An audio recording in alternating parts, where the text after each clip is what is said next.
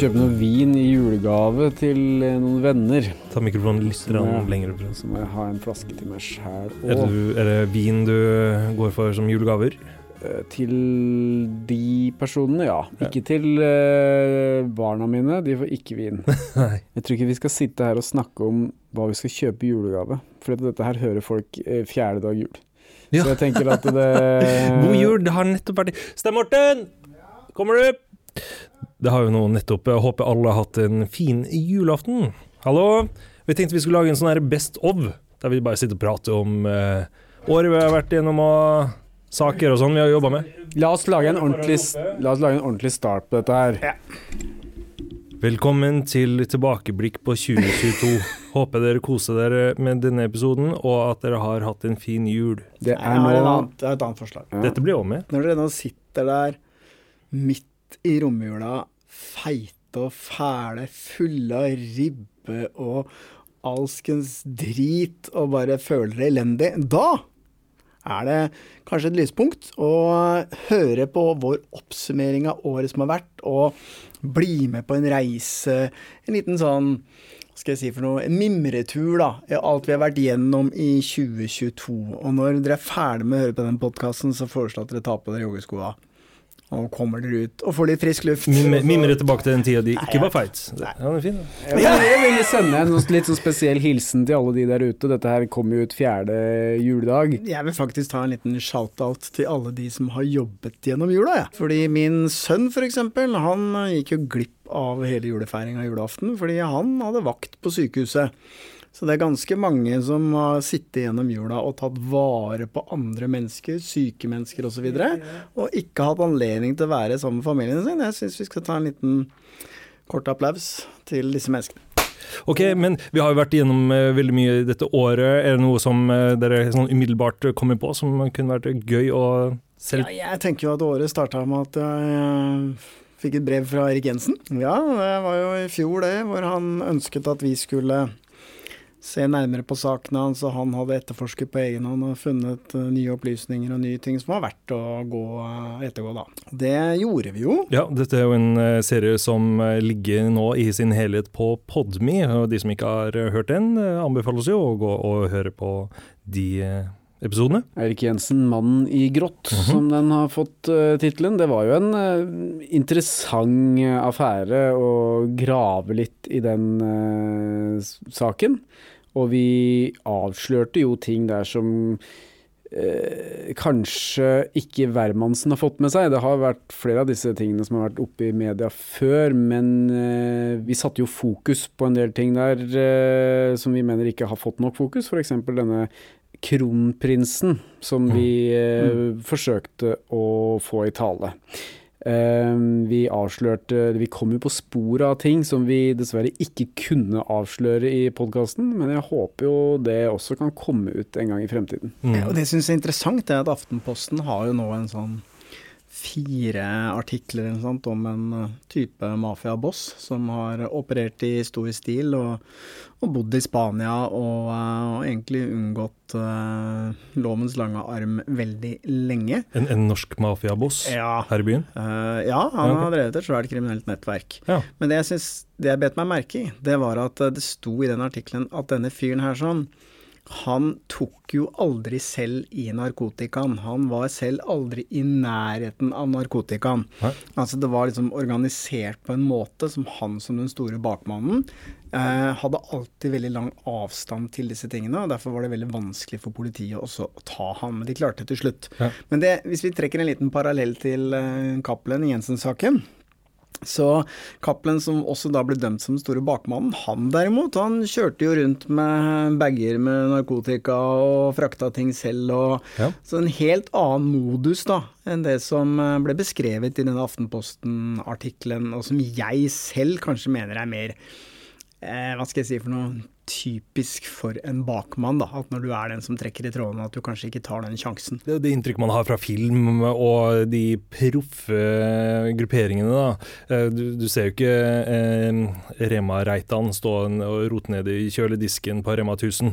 Nei, det gjør det ikke. Eh, samtidig så finnes det ikke noe mal på hvordan en sånn kriminell organisasjon skal struktureres. At eh, her, ok, de var litt amatørmessige, da. I det, det kan, kan være. Nei, men du er, helt, du er helt enig med det du sier nå. Det er bare at jeg, da jeg leste artikkelen, så, så tenkte jeg at eh, ok, her eh, gjør de et veldig poeng ut av at eh, det har vært vanskelig å ta han fordi at han har vært smart og han har holdt seg unna narkotikaen osv. Og, så og det står i veldig sterk kontrast til den historien som Cappelen fortalte om sitt nettverk. da. Vi var jo på spanetur vi, for å finne Gjermund Cappelen. og etter noen timer i bil så traff vi han på gata. Eh, og vi la oss på hjul og hoppa ut av bilen og gikk han i møte. Den samtalen eh, har vi jo lovt Cappelen at vi ikke skal bruke, så den ble ikke publisert i serien med Erik Jensen. Men nå, i dag, skal vi spille av den samtalen i sin helhet. Nei, nei, nei, nei, nei, nei. Nå, nå, nå, må produsenten sette ned foten her. Vi kan spille av et lite klipp fra deres møte med Gjermund Cappelen. Jeg følger med nå. Er ikke det? Jo, det er faktisk det. Altså. Skal vi gå ut og snakke med ham? Ja.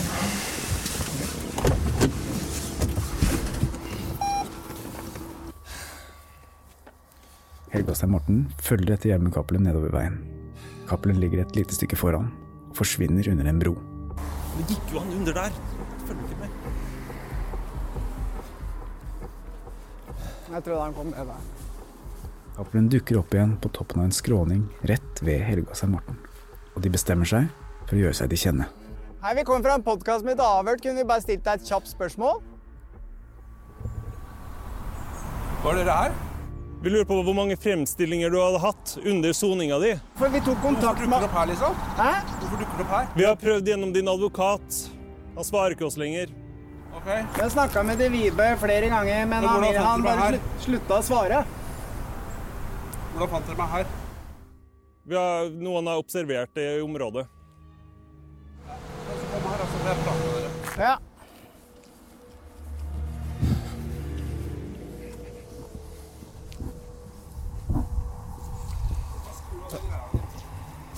Hei. Har du ikke noe kamera, eller? Nei, Ikke nei, noe nei, kamera. Ikke noe kamera. Hei, Stein Morten heter jeg. den. Den Hvis, hvis du vil høre resten av eh, denne scenen, og ikke minst hele serien på åtte episoder Ja. om eh, Erik Jensen, så gå inn på Podme, der ligger hele skiten. Men hvordan var det egentlig å møte, møte Cappelen? Det var litt rart. Ja, det var rart. For han, han gikk jo under en bro, og du gikk feil, for du så på telefonen, og så kom jeg altså, Så, ja, men, nei, jeg misforsto, for jeg trodde okay. han kom Nei, men det er samme det. Han kom oppå veien, vi sto nede. ja, ja, Han kom gående, og da ropte vi til han. ja, Og da hadde jeg forventa at han egentlig bare skulle si uh, fuck off, ja. men det gjorde han ikke. Nei. Eh, han, han lurte jo veldig på hvordan Hvordan fant dere meg? Mhm. Han var veldig, Det var det han var opptatt av, hvordan vi hadde funnet ham, for han bor jo da åpenbart på en hemmelig adresse. Og han Ja. sa jo også til oss at uh, vi kom til å få en telefon fra politiet etterpå, fordi vi hadde funnet han. Vi fikk aldri den Har- telefonen. Nei. nei. Ikke på noen telefon eh, Men jeg så noe politi til morgen i dag som jeg hadde litt dårlig følelse på. Kanskje var det med ute til å arrestere meg pga. det. Ja, for Du fortalte en historie da du kom inn på kontoret i dag, Sten Morten, om at du begynner å bli litt sånn paranoid når det kommer til politiet. Jeg begynner å bli veldig paranoid, altså, fordi jeg, jeg var hjemme på Kaffebrenneriet, og så kommer det én politimann inn.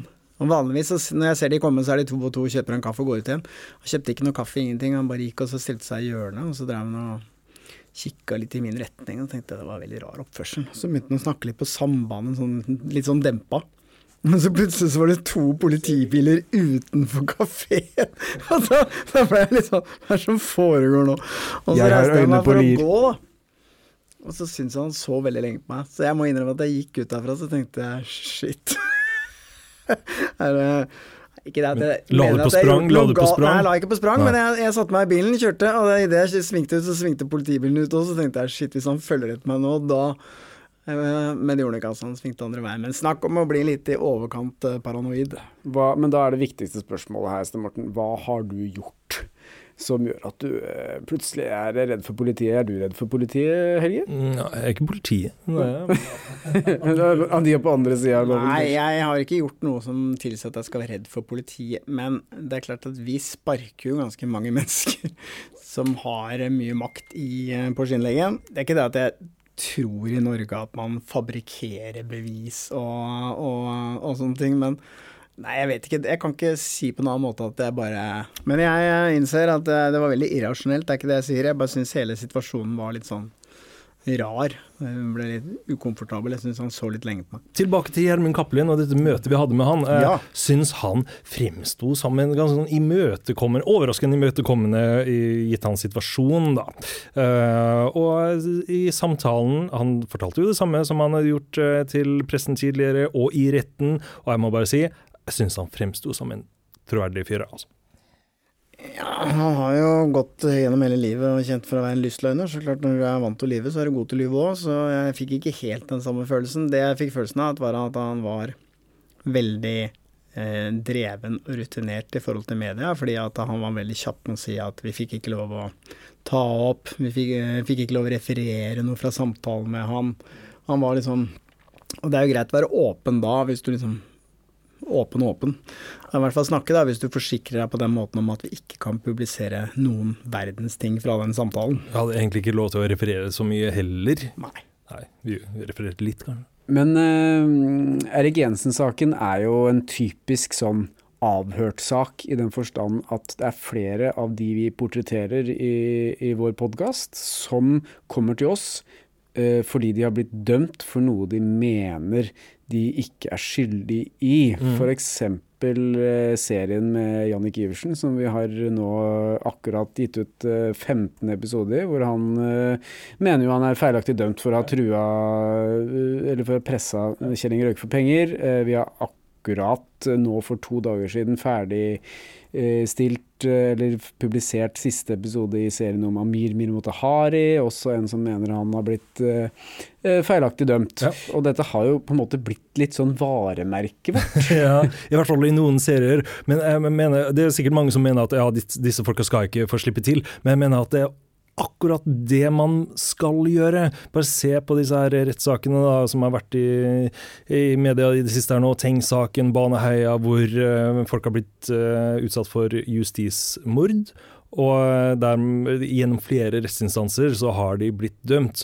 Uh, så jeg tenker at det er veldig mange dommer som eh, fortjener en, eh, noen nye øyne. Ja, så er det ofte sånn at det er gjerne journalister, forfattere, som utrettelig jobber år etter år med å grave fram nye opplysninger, og som er en vesentlig medvirkende faktor da, til at uh, disse sakene til slutt blir gjenopptatt. Jeg tror ikke politiet alltid syns det er like gøy å, og oppleve en sånn justisfeilsak, fordi jeg, dette skal prøves i retten på nytt. Mm. I den anledning en liten shout-out til Bjørn Olav Jahr, Ja. eh, som jo har stått for eh, veldig mye av det vi har sett i mediene de, de, de siste årene. Ja, både i Tings og Baneheia. Mm. Men over til noe helt annet, gutter. For i dag eh, leste jeg at eh, Putin eh, skal nå utplassere Satan 2. eh, som er sånne langtrekkende raketter eh, som kan frakte hva da, 20 atomstridshoder og en rekkevidde på 18 000 km. Så i talen i dag så trappa han ytterligere opp denne atomvåpentrusselen, i hvert fall slik jeg leste det. Men vi hadde jo eh, Ørjan Karlsson innom. Han jobber i eh, Direktoratet for samfunnsberedskap, og Ja. så er han jo forfatter. Ja. Mm. Og med ganske dyp innsikt i denne konflikten mellom Russland og Ukraina. Ja, han hadde jo ganske fine perspektiver på, på krigen og på risikoen for at det skulle bli en atomkrig. Jeg syns den ble en veldig sånn lærerik episode, da. Kan vi ikke høre litt av det vi lærte da? Så det er kanskje greit med noe hermetikk og noe vann og Ja. noe lys og noe Noe, greier. noen førstehjelpssaker og noen Ja. sånne ting. Jeg tenker at det er ikke dumt. Helge, har du eh, forberedt deg? Jeg har noen uh, jerrykanner uh, klare, de tomme, da. Den, uh, så jeg er litt sånn usikker på om jeg skal ha bensin på de, eller vann.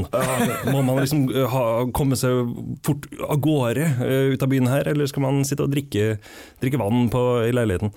Jeg, jeg tenker at der skal jeg være så, der skal jeg være så uh, kjedelig å si at det gjelder å lytte på hva myndighetene forteller deg, gitt. De sier vel ikke 'lagre masse bensin i uh, bod, boden din nede ned i felle, fe, felles bodområdet'? Du kan være helt sikker på at de kommer til å si akkurat det. så nei, altså Jerrykanner med drivstoff uh, på hver, uh, hver lagerbod i ei eller annen blokk, det er en fryktelig dårlig idé. Ok. Ok, vi tar det til oss. Jeg må hjem og fjerne noen bensinkanner, hører jeg. Ok, Helge, hvor mye bensin har du lagra nå i boden din? 40 liter. Det er to ganger 20 liter. En liten shout-out til uh, Obre.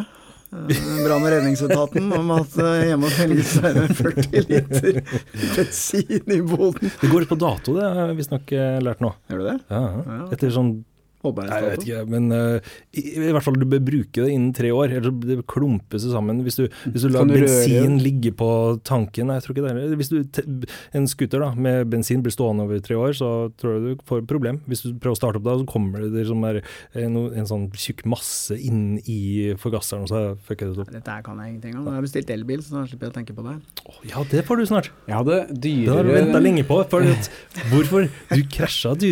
Ja, men det er ikke derfor. Poenget er at jeg Du ble krasja i. Nei, jeg krasja, det er helt riktig det. Men jeg krasja mot en bil som sto på tvers eh, rett over kjørefeltet mitt. Helt sånn umotivert. Ja, han tok på seg fullt ansvar. Du, kom, du skulle opp mot Lambertseter. Eh, Han kom ned eh, derfra i den bratte bakken, og så skulle han inn på kiosken. For dette er for de som er lokalt kjent. Eh, og så istedenfor å sjekke denne andre sjåføren, istedenfor å sjekke om det var noen som kom der, for du var blokkert inn av en annen bil, så bare måkte han på, og der kom du i 40 km i timen. Men hele fronten din var innklemt der. Bilen ble kondemnert. Men du, venter, ble ikke reparert. du venter på en elbil, ja. Det er jo, vi er jo inne i en strømkrise nå. Ja, altså, dette er jo veldig typisk for meg, da. Fordi at uh, med en gang jeg bestemmer meg for å så hoppe på en sånn greie som alle andre har gjort i årevis, da tenker jeg nå skal jeg bli med på de greiene her. Da kan du banne på at uh, avgiftene går opp og prisen går opp, og at uh, det er verste timinga. Og igjen så har jeg klart det. Eh, Jeg skulle egentlig hatt denne bilen tidligere i år, men eh, den bilen jeg bestilte, den ramla hjulet av på, så derfor ble den forsinka. Men den skal visst komme på nyåret, da, har jeg skjønt. Apropos eh, elbil, eh, vi sitter jo her sammen med en Tesla-sjåfør som nærmest ble drept i trafikken for eh, et års Bare, jeg vil bare få med en, en liten eh, poeng først. Jeg, man snakker om eh, bensinpriser og strømpriser og alt dette her. Jeg fikk faktisk eh, jeg fikk regning nå i går på både bompasseringer den siste måneden og strømlading, ladeforbruk den siste måneden. ja. Og det var dyrere med bompasseringer enn ladeforbruk. Så det Ja. Ja, De har satt opp prisen der òg, da. Ja, det har de jo. Men nå, nå er det Tesla-eieren, fortell om den gangen du ble forsøkt drept, da. Jeg skal fortelle om det, og det er jo en, eh, en historie som strekker seg langt tilbake i tid. Jeg lurer på om jeg skal ta den der på nytt. Den blir ikke klippet ut. Uh, nei, jeg klippet ingenting. Ok, Lars, igjen. Vær så god. musikk foran og bak. For kjære lyt lyttere, så er det sånn at uh, visse av disse episodene uh, er, De fleste episodene våre de er det jeg som klipper, men noen ganger er det Helge som klipper, og da han velger å gjøre minst mulig jobb, så da er det Derfor så hører du all den der fjas og drit imellom. Men ok. I eh, august, eh, eller var det slutten av juli, tror jeg det var eh, Nei, ikke viktig, det var det ikke. ikke så viktig. Før, sommer- sommer, før sommeren 2021 Ja. så ble jeg eh, kjørt på av en eh, trailer idet jeg kjørte inn på Jeg kom på eh, påkjøringsfeltet inn på E6 ved der jeg bor, Mot Oslo. mot Oslo. Og så kom det en uh, trailer uh, bak meg i, i mitt uh, liksom innerste kjørefelt. Jeg kom inn fra påkjøringsfeltet, så jeg la meg i eh, høyre felt. Han lå i venstre felt. Jeg lå i hans blindsone idet jeg la meg inn på E6. Og han hadde bestemt seg for å legge seg eh, over eh, til sin høyre, samtidig som jeg la meg inn til venstre. Ja, ok. Skjønner. Han så ikke meg idet jeg la meg inn. Han traff treffer meg eh, i rumpa på min bil. Eh, så jeg svinges rundt. Så jeg blir liggende liksom eh, tvers over foran, hans, eh, foran fronten på denne traileren.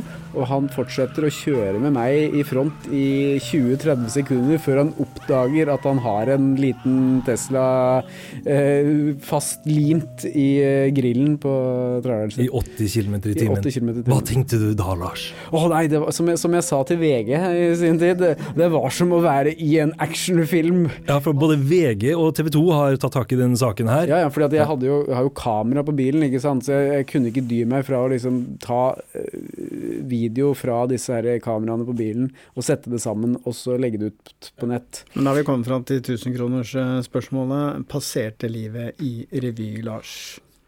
Ehm, jeg, jeg tror jeg, jeg sa vel noe sånt til VG, men i virkeligheten så var det ikke langt fra så dramatisk. Det var bare vi som haussa oss litt opp da de skulle intervjue meg. Ja, jeg instruerte dem om å si i hvert fall det var som å være med i en film. Yes. Ja. Uh, nei, det var, jo, det var jo veldig mye adrenalin, selvfølgelig, men uh, en annen ting som vi, vi, vi hausa oss opp rundt uh, For vi gjør jo gjerne det, vi på dette kontoret, når det, når det skjer ting. Vi blir ivrige. eh, og det ble jo fort bestemt at jeg skulle anmelde denne saken her. Mhm. Anmelde denne polske sjåføren for uh, uaktsom Eller altså, jeg vet, de bare anmeldte han Akkurat som drapsforsøk.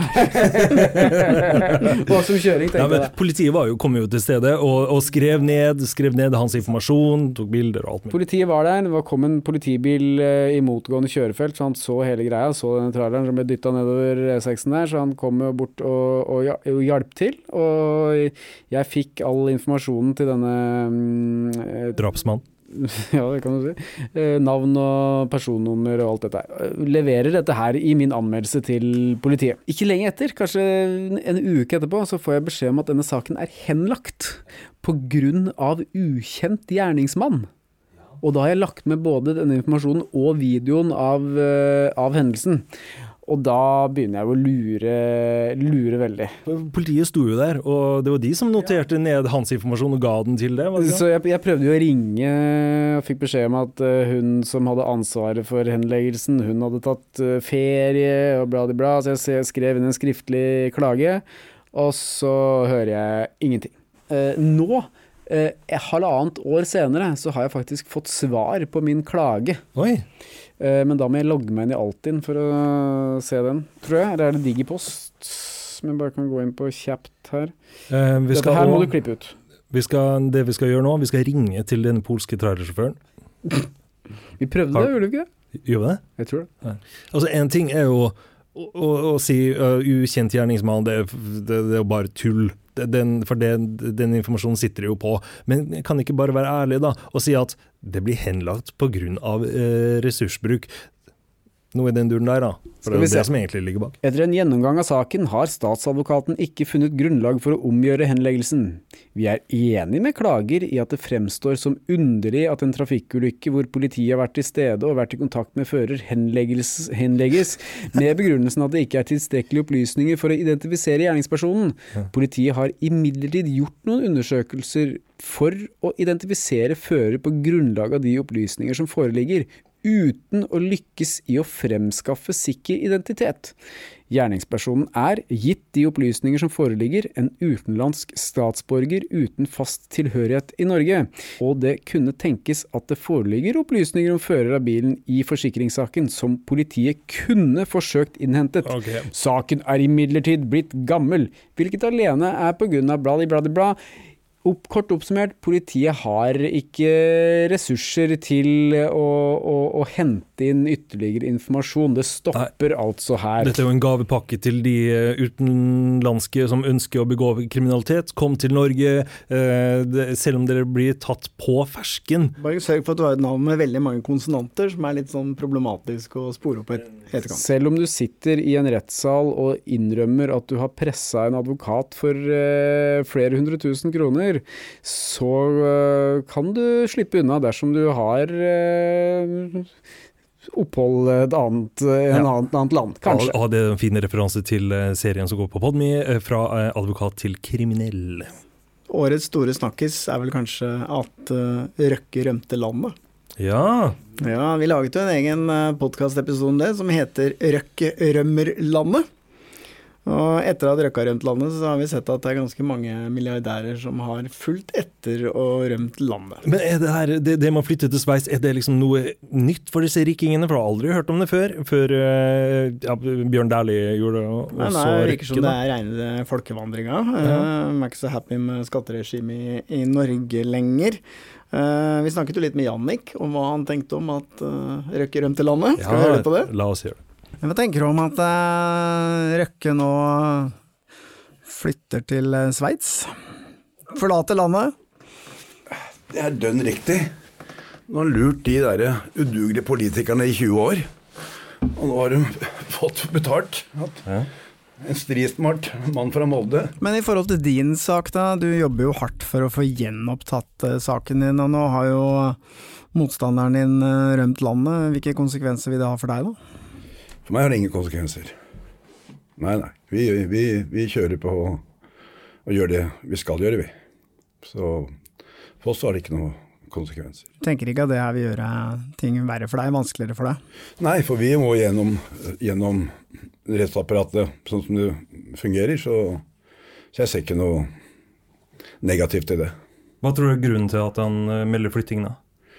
Nei, du kan tenke Hvis en mann skal betale to millioner hver dag for å stå opp om morgenen, så tror jeg alle oss stikker.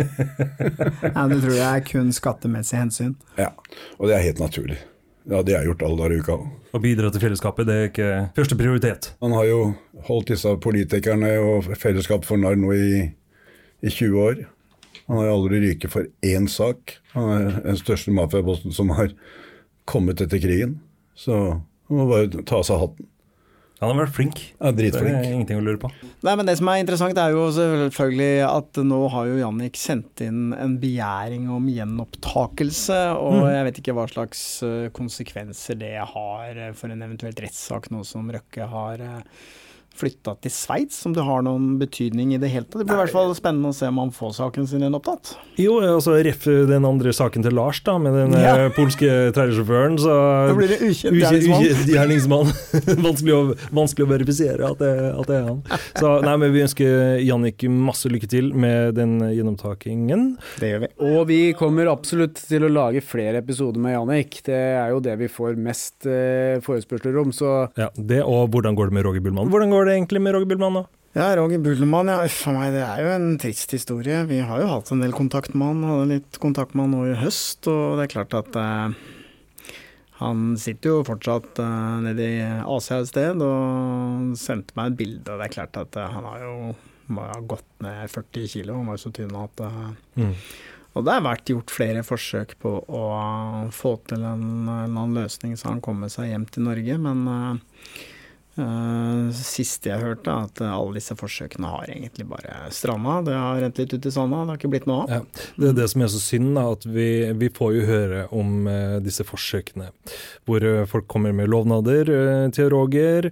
Ja, vi skal få det hjem, men det koster eh, Masse penger. masse penger. Og så hører vi i etterkant at de her som skal ha utgitt seg da, for å skulle hjelpe han, har eh, flydd fra Norge ned til der han befinner seg, på første klasse, og eh, levd i sus og dus i eh, den perioden de har vært der nede, og forleder Roger til å tro at eh, de skal hjelpe han. Det er jo gjennomgangstonen her, at uh, for mange tilfeller, eh, som du sier, drar ned på hans bekostning, bruker penger som fulle sjømenn. Det er ikke lov å si lenger, forresten, jeg angrer på det. Hæ? det- Nei, det var et svært tema om at det var diskriminerende mot sjømenn ved å si fulle sjømenn, så det, den tar jeg tilbake. Beklager. sjømenn er vel også fulle. Ja, uh, men de har brukt mye penger og uh, gitt lovnader, som du sier, og hatt noen planer, men så har de liksom alltid trukket seg, det går ikke allikevel. Mm, alltid finne en unnskyldning Ja. til at 'nei, beklager, det gikk ikke likevel'. Nei, og det er jo øh, trist. Det, igjen, det er ingen av oss som sitter her og forsvarer hva Roger har gjort. Det har vi aldri gjort heller. Eh, vi har bare eh, lyttet til han og fått en forklaring fra han på hvorfor han stakk, fordi han frykta for livet sitt og var redd for han skulle bli drept i fengselet der, og vært på rømmen siden. Og det er jo ikke sånn at han ønsker å unndra seg noe straff, han ønsker bare å komme til Norge og melde seg for norsk politi og, Mm. og bli behandla på en human måte, da. Mm. Mm. Så nå veit jeg ikke hva som skjer, egentlig. Jeg, jeg har gitt litt opp håpet. Men eh, det søstera mi kom med en veldig god greie til meg. Hun sa at skriv om deg sjøl. Ta bilde av det, send det til meg, så får dattera di vite hvem du er. For jeg, jeg tror ærlig talt at eh, jeg kanskje ikke lever så veldig lenge. Hvis jeg blir tatt, tatt i fengsel, så tror jeg det går et par år, så er det over. Og så er det på andre siden av kloden, så jeg, jeg har ikke lyst til at dattera mi må måtte komme inn i et sånt fengsel nede i Thailand for å besøke faren sin. Liksom. Så da ser jeg henne aldri noe mer. Og det er, det er det eneste jeg tenker på, egentlig. Han ene kompisen min kom ned Jeg kan faen ikke se på det engang! Kom dem ut til meg, da. Jeg ser at du har eh, mange bilder av deg og datteren din sammen, og kort og brev fra datteren din. Og på det ene kortet her så er det et stort rødt hjerte. Og det står 'Når du kommer hjem, pappa, så skal du få en stor klem'. Jeg vet at alle sier det om barna sine, altså, men hun er verdens mest fantastiske person. Stille, rolig, eh, hensynsfull, omtenksom. Alltid snill og grei mot alle. Vil at alle skal bli behandlet rettferdig. En sånn utrolig personlighet. Det er jo sterkt å, å, høre på det her igjen. Det er jo en stund siden vi har publisert det. Men eh, det er jo fælt å sitte og, og, tenke på han karen her som sitter der nede. Og han er klar for å ta sin straff, men eh, å gå inn i et eh, thailandsk fengsel, da, som det der hvor dette basketaket som endte med dette dødsfallet til en andre person, skjedde, da, så det er jo i så fall der han ville ha enda opp. Og de som ender i et thailandsk fengsel, de blir ikke særlig gamle, så da er det liksom ikke en veldig fristende vei å gå. Nei, jeg forstår det. og det, I denne saken er det bare trist. ikke sant? Det er bare tapende parter her. altså Vedkommende som døde, var familiefar, hadde et barn. En tragedie for den familien, det er en tragedie for hans familie. Det er jo bare trist, hele greia. og og eh, hvis vi skal tro Roger, så var det aldri noen intensjon om at uh, det skulle skje. Det var en slåsskamp som gikk eh, gærent. Ja, og det tror jeg Roger på. Han mm. drar ikke ned på ferie til Thailand med intensjon om å, Nei, å ta livet av noen. Det var nok mest sannsynligvis et forferdelig uhell. Men nå ble det veldig mørkt, gutter. Dette er en sak som har må jeg si til slutt, det er jo en sak som har engasjert uh, veldig mange. Og som mm. du sier, så er jo det et av de spørsmålene vi får inn oftest. Hvordan går det med Roger Bullmann? Har han mm. kommet hjem til Norge? Er det flere som spør? Uh, vi kan bare si, som, vi, som jeg skriver til alle som spør, vi følger saken tett. Vi snakker med Roger fra tid til annen. Uh, hvis det skjer noe viktig i saken, så hører du det mest sannsynlig fra oss først. Mm. Men ok. Uh, nei, jeg tenker uh, at uh, vi skal gå over til en litt sånn lettere, lettere, tematikk, kanskje. Vi har jo gjort noen episoder med Jonny Haglund. Mm. Fotografen, eventyreren, hadde senest en episode hvor han kom tilbake fra New-Guinea. Og spilte av noen små lydklipp fra hans møte med denne kannibalhøvdingen. Og det som er, er at de to-tre siste årene så har jo Jonny reist veldig mange steder, og han har hatt med seg lydbåndopptaker, og han har uh, tatt opp uh, veldig mye av det som har skjedd på disse turene på lyd, og det har vi jo planer om, uh, gutter, å gjøre noe med neste år. Absolutt. I første kvartal, tror jeg vi må si da, i 2023, så ja. satser vi på at det kommer en egen podkast med Jonny Haglund. Altså, han er jo en av mine favorittgjester. Han er veldig flink til å fortelle. Og så er han flink til å få folk til å fortelle når han er ute på tur. Eh, blant annet denne eh, kannibalen da, som mm. han eh, traff igjen etter 30 år. For Jonny har jo vært på den samme turen to ganger. En gang for 30 år siden og en gang nå i høst. Så det var jo artig å høre på. Vi kan, La oss høre et lite klipp. Fordi som sagt så var jeg der første gang i 1990, altså 22 år, nei, 32 år siden. Og så var jeg der tilbake da 94. Så begge de to turene her tok jeg masse bilder som jeg printa ut nå. Eh, og så spurte jeg folk underveis. Kjenner dere folk her? Jeg håpa på å møte noen av de. ikke sant? Men så sjansene er jo selvfølgelig ikke sant, På så mange år så, så, så blir folk eh, borte, eller forandrer seg så mye, eller flytter. Og så, ja. så, men så kom vi til et sted som heter Apelapsilli, der vi starta fotturen vår. Jeg starta å gå. Midt i regnskogen, og da jeg var der i 94, så hadde jeg allerede gått i mange dager for å komme dit. da. Der spurte jeg da rundt omkring sant, og viste noen bilder. og så hadde jeg bilde av en kar som jeg, som jeg tok eh, da eh, for 32 år siden.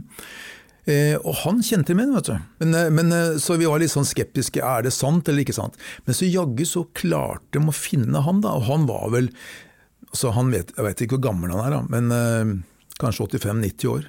Blitt såpass gammel, Ja, og bare det å bli så gammel der, det er unikt. Og enda mer unikt blir det når han begynte å fortelle, for han fortalte via da han med seg broren hans, var det, yngre broren hans, og så hadde jeg med Martinus, ikke sant, så fikk vi til slutt historien hans. da.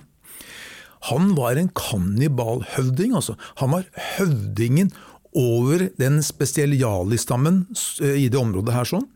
Eh, Han fortalte at det var han som var som slags eh, kommandosoldaten, for det var stadig konflikter mellom stammene tilbake dette, Nå snakker vi om på 60-tallet også, lenge siden. Og det de gjorde da, at de, de drepte mennesker, og de spiste dem. Vi avsluttet, eller avsluttet og avsluttet, vi eh, rundet nesten av året med å ha et heidundrende juleshow på Rockefeller, full sal. Eh, vi syntes det var kjempegøy. Jeg har inntrykk av at de som var der også syntes det var eh, morsomt. Og dette har jo blitt en tradisjon med dette juleshowet, i hvert fall nå. Vi kan Nei, kalle det en tradisjon nei, nå. det skal tre år- tre år på Er det tre år på rad? ja, Ja. Ok. Men det som skjer neste år, hva er det, Helge? Da, eh, i den salen nå på juleshowet, da satt det òg noen sånne her eh, eh, hva, hva heter det? Sånne her um, eventmakere. Et eventbyrå. Eventbyrå som kom backstage eh, når vi var ferdige og spurte dette karer, dette må dere gjøre mer av. Så eh, nå har vi allerede sagt ja til å dra på turné i april april. Vi skal rett og slett 2023. ta showet på veien, gutter. Så det er mange der ute som har spurt om vi ikke skal komme til Ja. Trondheim eller Stavanger, Bergen eller Stavanger f.eks. Og det kan vi avsløre at det har vi faktisk tenkt. Og datoer for eh, dette her kommer veldig snart. Ja. Vi planlegger, eh, skal vi se, vi planlegger Bergen, Du, du kommer snart. Ja. Stavanger. Det jeg kunne tenke meg å dra til litt sånn mindre steder. Sitte på en sånn her, eh, en mørk pub Rorbua. oppe i Flå, liksom. Oppe i Flå, ja. Ja. ja. Men kanskje vi gjør det til høsten? Ja, Vi må ja, teste det ut i litt større byer. altså Hvis det er en suksess, så kanskje vi kan ta en høstturné og så dra den på med en del sånne litt mindre steder også. Ja, hvis, hvis vi er velkomne, da. Hvis dere oppe i Flå kan lage en sånn underskriftskampanje, Mm. Kanskje vi kommer dit. Kanskje vi finner ut at vi aldri bør reise ut av Oslo igjen. Altså, som vi har hinta til tidligere, vi har jo erta på oss ganske mange i løpet av disse årene vi har holdt på med det her, så eh, De bor i Oslo. Det... Nei, det, det, nei, det gjør de ikke. De bor litt her, og det stemmer, det. Anbefaler ikke å dra til Sandnes. Ok, eh, nok om det. Nok om det. Eh, vi skal snart runde av denne julespesialen, men eh, Lars, vil du si et par ord om eh, hva vi planlegger neste år, bortsett fra å dra på turné? I eh, 2023 så skal jeg flytte inn i et nytt hus. Du skal til Toten, du. Jeg skal flytte til Toten, så Det blir Batong Media. Det blir Batong Media avdeling Toten, Helge. Det, det blir kult. Men eh, uh, i 2023 så skal Batong Media utvide produksjonen sin. For ikke nok med at vi kommer med en ny uh, podkastserie med Jonny Haglund. Eh, Stein Morten, du har jo faktisk eh, vært litt sånn utro og, og, og funnet deg en, en ny partner som du har tenkt å lage en eh, podkast med. Ja, han er god til å lage mat. Ja, Ikke og kan lage mat. Har du ikke sett når jeg har varma opp både Gorbis ja, ja, og det- calzones eh, her borte i mikroen? Eh, Jonathan eh, Romano. Eh, han har vært dommer i Masterchef. Han har drevet en rekke restauranter. Han driver en akvarierestauranten nå, som ligger nede ved rådhuset. Og eh, nå i høst så har han vært med på dette slanke treningsprogrammet på Discovery, den derre 16 ukers helvete. For han veide jo en sånn gode 120 kilo, han er ikke så veldig høyere enn meg. Og eh, har startet på en sånn, eh, hva skal jeg si for noe, livsstilsendring, da. Med litt mer eh, trim og litt mindre mat. Og det skal du ødelegge. Det skal jeg ødelegge. For du har jo livsstilen i orden. Jeg tror jeg har litt heldig også, men jeg skal ikke si at jeg spiser sånn kjempesunt hele tiden. Det som er problemet mitt, er at jeg er jo uinteressert i mat. Så, eh, eller det er kanskje det som er velsignelsen, og det bryr meg ikke så mye. Så. Men dere skal kanskje lære litt av hverandre, da. Siden du kan alt om trening. Du er jo personlig trener også ved siden av eh, dette her. Eh, men du kan ingenting om mat. Nei, tanken er at to så vidt forskjellige mennesker som oss, han som er liksom kokk og gourmet og lever for mat og ikke egentlig har vært så veldig interessert i fysisk eh, fostring, og jeg på den andre siden som har vært litt kanskje overkant mye trening og ikke vært så interessert i mat. Eh, Vi skal treffes og lære av hverandre. Eh, Jeg skal prøve nå også for jeg er litt sånn motstander av den uh, greia som han har blitt ledet inn i i 16 ukers helvete.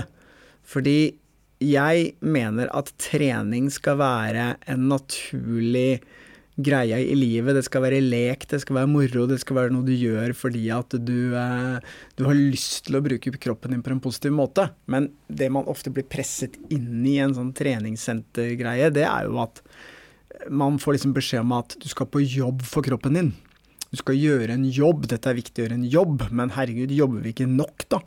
Fra før av kan vi ikke liksom gjøre det med trening til noe eh, positivt, noe mer i lek. Og for meg så er det ute i naturen å gjøre ting, ikke inne på et treningssenter. Og det er et sjokk for Jonathan, det skal jeg love deg. Det er han ikke vant til. Det blir spennende å høre på. Og det kommer vi til å komme med mer informasjon om på vår Facebook-side, Batong Media. Eh, og kanskje også i podkasten vil du få litt reklame når denne nye podkasten eh, skal lanseres.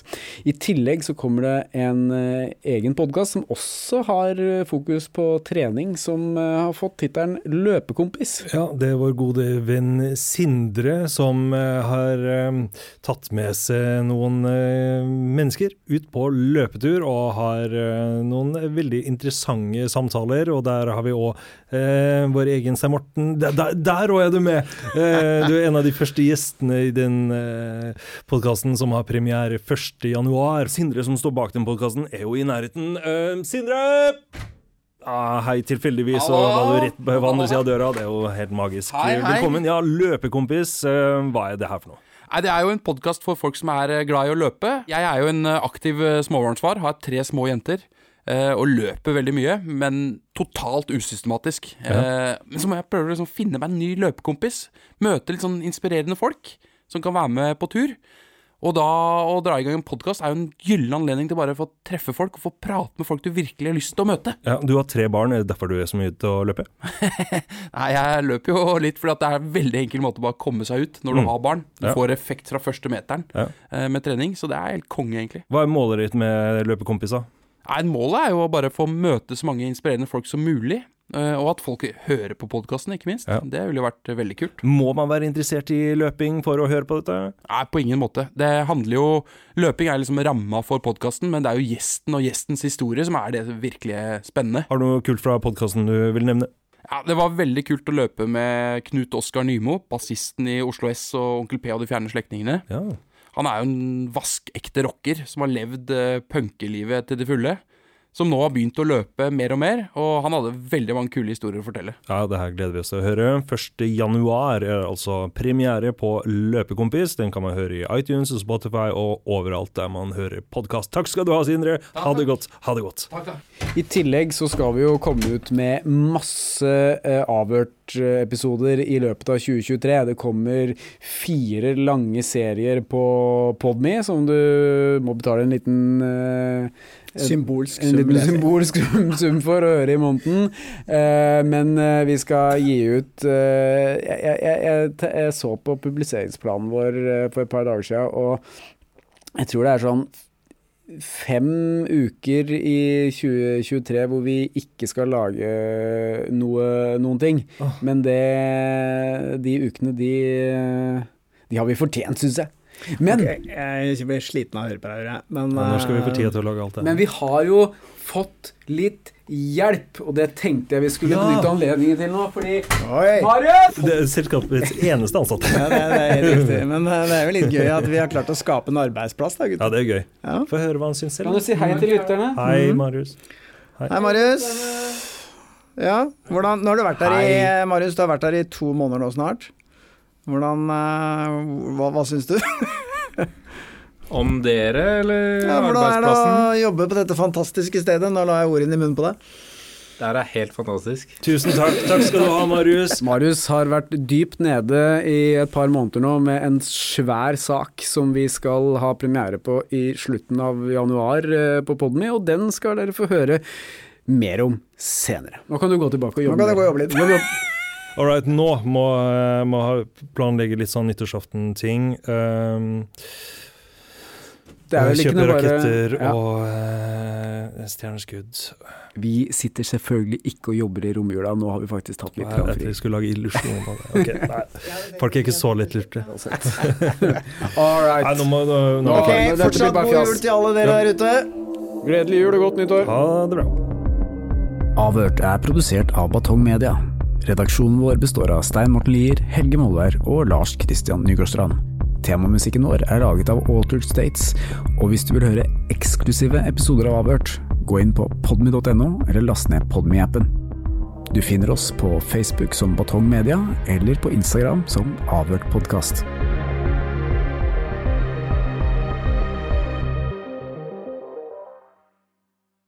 Velkommen til Kjemperådet! Denne gangen har vi fått inn et kjempedilemma fra en familie. Jeg leser Hei, vi er litt uenige i familien her.